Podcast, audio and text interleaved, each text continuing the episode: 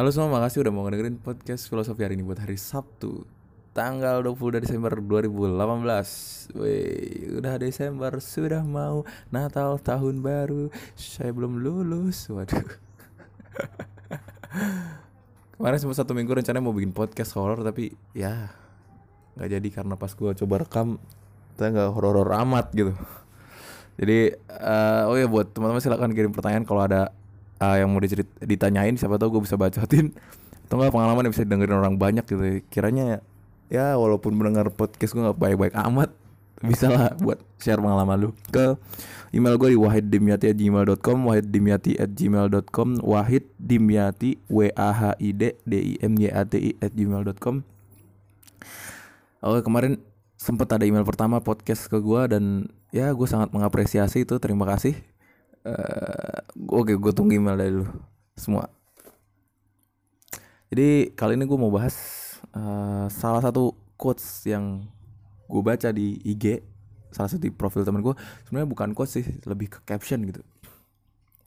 Dia ngomong bahwa uh, come on do what you wanna do gitu. Apa pun yang lu lakukan uh, do what you wanna do. Lakukan yang lu inginkan gitu dan atau do what you love to do gitu tapi gue di sini tersentil gitu. Apa bener sih apa kita tuh harusnya melakukan apa yang kita suka atau kita melakukan apa yang kita inginkan gitu? Bener gak sih itu? Uh, lu tau gak lagu Moka yang judulnya sama persis kayak kalimat itu? Refnya tuh kayak gini nih. Uh, gua gua nggak tahu bunyinya kayak gimana cuma uh, liriknya you've you've got to do what you wanna do say what you wanna say and don't be afraid gitu kan. Nah abis itu tapi langsung masuk lirik as long as everybody's happy you've got to do what you wanna do gitu. And say what you wanna say. Ngelakuin apa yang lu mau itu apa yang lu suka itu emang gak salah. Dan gue sangat setuju dengan itu. Dan beberapa hal yang gue lakukan selama hidup gue ini ya berdasarkan itu. Apa yang gue suka apa yang gue inginkan. Tapi kalau syaratnya harus everybody happy kan mustahil. Oh sekarang itu orang ada yang masak babi campur kurma ya dibilang menistakan agama.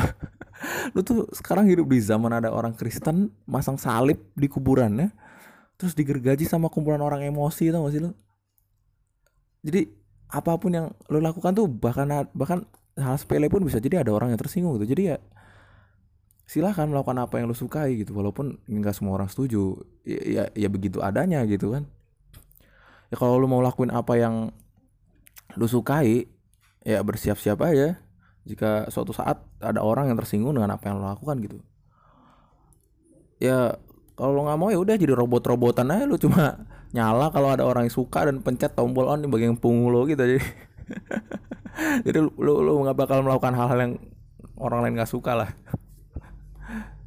Jadi prinsip gue tuh seperti yang dikatakan Voltaire gitu bahwa gua dan semua orang berhak buat nggak setuju dengan apa yang lu omongkan atau lu percaya gitu. Tapi tapi gue akan bela mati-matian hak lu buat menyampaikan itu baik ke gue atau ke semua orang gitu. Voltaire bilang bahwa gue dan semua orang berhak buat nggak setuju dengan apa yang lu omongkan atau apa yang lu percaya. Tapi gue akan bela mati-matian hak lu buat menyampaikan itu baik ke gue atau ke semua orang gitu. Dah itu pendapat gue tentang uh, do what you wanna do atau do what you love to do gitu kan. Jadi uh, itu aja cukup. Hal kedua yang pengen gue bahas di podcast ini adalah kayak semua orang harus punya blog deh. Uh, blog dalam artian uh, gini ya blog itu kan kepanjangannya menurut Wikipedia nih ya ya ini sih kenapa sih mahasiswa sekarang tuh nggak boleh nyadur wiki gitu padahal semua kebenaran itu kebenaran lo semua kebenaran itu kesepakatan loh kalau lo nggak sepakat ya tinggal nggak setuju aja sih gitu. oke okay. uh, menurut Wikipedia ada bodo amat nih gue nyadur Wikipedia Blog itu singkatan dari web lo. Jadi lu bikin catatan atau rangkuman yang bentuknya tuh video kayak suara atau gambar atau tulisan ya inilah uh, yang vlog lah atau blog apa aja di internet. Jadi uh, kenapa gue menyarankan tuh semua orang harus bikin? Yang pertama blog nih yang pertama nama pengetahuan. Uh, Rocky Gerung pernah ngomong dalam salah satu kuliah filsafatnya itu bahwa penting buat meningkatkan budaya literasi gitu. Ini hubungannya sama budaya literasi ya. Budaya literasi di zaman informasi yang sangat cepat berpindah ini dan begitu banyaknya media yang memfasilitasi itu tuh sangat penting meningkatkan budaya literasi sedangkan budaya literasi ini itu definisikan bahwa berbagai macam informasi yang lu dapat atau sesuatu instansi instansi dapat yang kemudian dikumpulkan sebagai data gitu. Jadi informasi yang didapat oleh seseorang atau instansi dikumpulkan sebagai data lalu dianalisa. Ini poin pentingnya dianalisa menjadi sebuah informasi dan informasi itu dilayangkan sebagai informasi baru untuk bisa disuap oleh informan terus dikunyah sama penerima informasi gitu entah dalam bentuknya penonton kah itu bentuknya YouTube film atau videogram atau apa. Terus pendengar which is YouTube juga film videogram juga plus uh, siaran radio atau podcast atau dan lain-lain. Atau bisa juga pembaca gitu uh, entah berita atau artikel blog uh, jurnal buku mungkin jadi kalau informasi yang cuma diteruskan ya jadi sekarang tuh informasi yang cuma diteruskan atau forward dari satu media ke media lain itu bukan budaya literasi. Dan itu yang sekarang harus dihindari. Kenapa? Karena dengan gak ada proses analisa data nih kita nggak bisa jamin gitu kalau data tersebut diteruskan sebagai informasi nih apa data itu benar gitu? Ya minimal valid lah. Jadi zaman sekarang tuh dengan begitu mudahnya informasi ngalir di antara kalian dan media yang banyak memfasilitasi itu budaya literasi itu harus ditingkatin. Kenapa? Karena ya nggak semua informasi yang lu dapet tuh sudah diolah sama informannya gitu. Minimal uh, minimal valid lah. Kalau bener kan ada data bener kan relatif ya. Kalau lu kubu ini mungkin itu bener menurut dia. Kalau lu kubu itu itu bener menurut dia gitu Nah, ya, ya kalau nggak minimal logis lah. Lu bisa, oh ini tuh satu tambah satu sama dengan dua. Oh ya benar nggak sih satu sama satu sama dua dari informasi ini gitu kan. Nah di situlah ngeblok menjadi penting karena saat lu bisa menganalisis sesuatu, banyak data yang masuk ke otak lu. Dan otak lu terlatih buat berpikir logis, uh, logis atau masuk akal gitu. Itulah kenapa di luar sana tuh banyak orang goblok karena mereka yang nggak punya budaya literasi yang baik. Mereka cuma nerima apa pun informasi makanya sekarang ada hoax segala macam kan?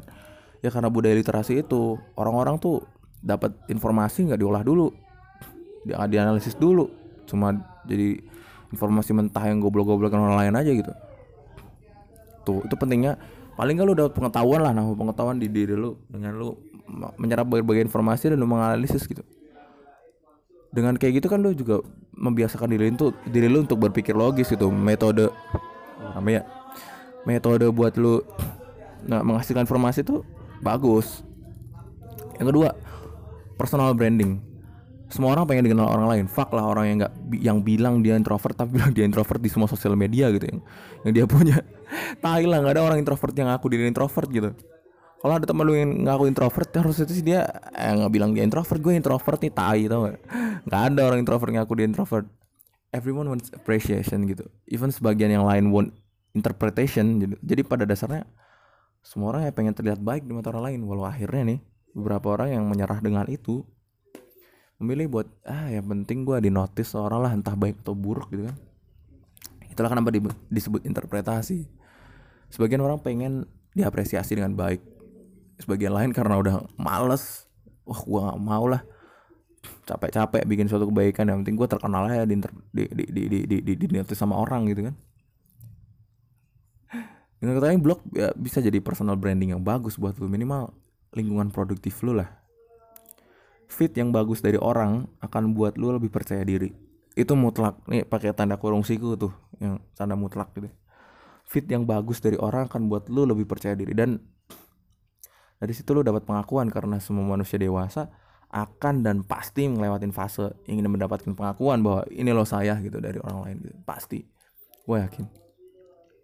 Oke itu poin kedua gue uh, pentingnya lu bikin blog terserah lu mau bikin dalam bentuk tulisan atau podcast atau video atau YouTube sekarang media udah baik banget tapi baik lagi budaya literasi harus lu jaga. Gimana cara lu bisa menyampaikan informasi itu dengan baik dengan analisis dan, dan logis uh, dengan dengan teknik yang logis gitu kayak yang ketiga terakhir nih gua.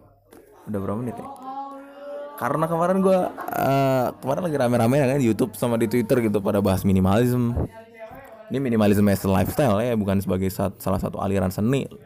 Alias nih lukis atau perspektif di arsitektur gitu tuh minimalisme sebagai gaya hidup gitu. Mari juga sempat naik di Instagram. Kebanyakan juga pengennya dibahas karena uh, walaupun gue pikir yang jawab kan gue bikin dua tuh. Ya iyalah atau kita bahas minimalisme nih mulai rame ya apa enggak gitu kan? Ada pilihannya. Ya iyalah kalau yang kedua nggak usah bangsat gitu. banyak itu yang milih bangsat sebenarnya mau ngata-ngatain gue aja deh. Oke balik lagi. Minimalisme sebagai gaya hidup. Itu sepenangkapan gue adalah memiliki barang seefisien mungkin dengan value dan utilitas yang tinggi. Ulang ya. Minimalisme sebagai gaya hidup itu adalah memiliki barang seefisien mungkin dengan value dan utilitas yang tinggi di setiap satuannya. Jadi orang yang mengamalkan prinsip ini itu memperlakukan barang dengan tidak lebih sentimental ya, berperasaan. Orang yang mengamalkan prinsip ini memperlakukan barang dengan tidak lebih sentimental daripada yang nggak mengamalkan gitu. Karena juga kita uh, sedikit rancu dan susah memisahkan antara sentimen dan utilitas pada satu barang jadi sentimen itu misal kita uh, handphone ya HP ini pemberian pacar lu misal atau mantan lu atau nah itu tuh nilai sentimen yang ada di barang lo itu tinggi gitu. Uh, yang yang yang HP lo itu uh, katakanlah Nokia 3315 ya yang bisa dipakai buat bikin ada dering poliponik pakai lagu ibu kita kartini tuh yang teng teng teng teng teng nah itu HP lo tuh waktu itu. Nah itu kegunaan atau utilitasnya sampai situ gitu. Beda ya? Jadi perbedaan penganut minimalisme dengan yang tidak itu nanti akan terlihat besar saat orang itu tuh membutuhkan fitur yang lebih dari HP itu. Misal buat whatsappan gitu kan atau lain maka minimalisme bakal lebih berat ke utility daripada sentimennya. Jadi mau itu pemberian pacar lu mau itu pemberian mantan lu kalau udah utilitasnya nggak nyampe orang minim uh, manusia manusia minimalisme akan ya udah nggak usah pakai itu lagi beli baru gitu. Jadi lebih berat ke utility dari sentimennya. Jadi dia jual HP-nya dan beli HP baru dengan fitur yang lebih baik itu uh, minimalism. Sedangkan kalau value itu agak lebih tipis perbedaannya sama sentimen. Beda ya. Ya value ya sama sentimen. Bedanya value itu based on yourself gitu bukan dari orang lain. Jadi lu tuh memutuskan untuk mengoleksi misal buku ya buku di rak. Itu karena lu suka baunya lu suka pemandangannya lu suka gradasi warna atau kombinasi warna buku-bukunya gitu. Nah itu menurut gua. Maksud gua uh, ya bedanya itu value sama sentimen. Itu value itu lebih ke based on yourself. Kalau sentimen itu uh, the others gitu orang lain. Dan perlu digarisbawahi juga ya bahwa minimalisme itu bukan mencoba punya semurah mungkin barang ya. Minimalisme itu malah justru punya satu barang dengan satu fungsi tertentu yang sangat berkualitas. Dan eh, yang sangat memungkinkan kalau barang itu mahal dan jadi ya jangan salah. Terus abis ini kalau lo mau praktekin minimalism tapi malah jual semua barang biar simple gitu enggak. Padahal barang itu punya utilitas dan value yang tinggi buat lo. Jadi sangat memungkinkan bahwa eh, orang minimalisme tuh barangnya sedikit value-nya bagus utility-nya bagus tapi barang itu mahal. Jadi bukan mentang-mentang minimalisme lu, lu punya barang-barang murah gitu. Terus yang mendasar juga beda ya antara minimalisme sama miskin ya. Ya beda itu.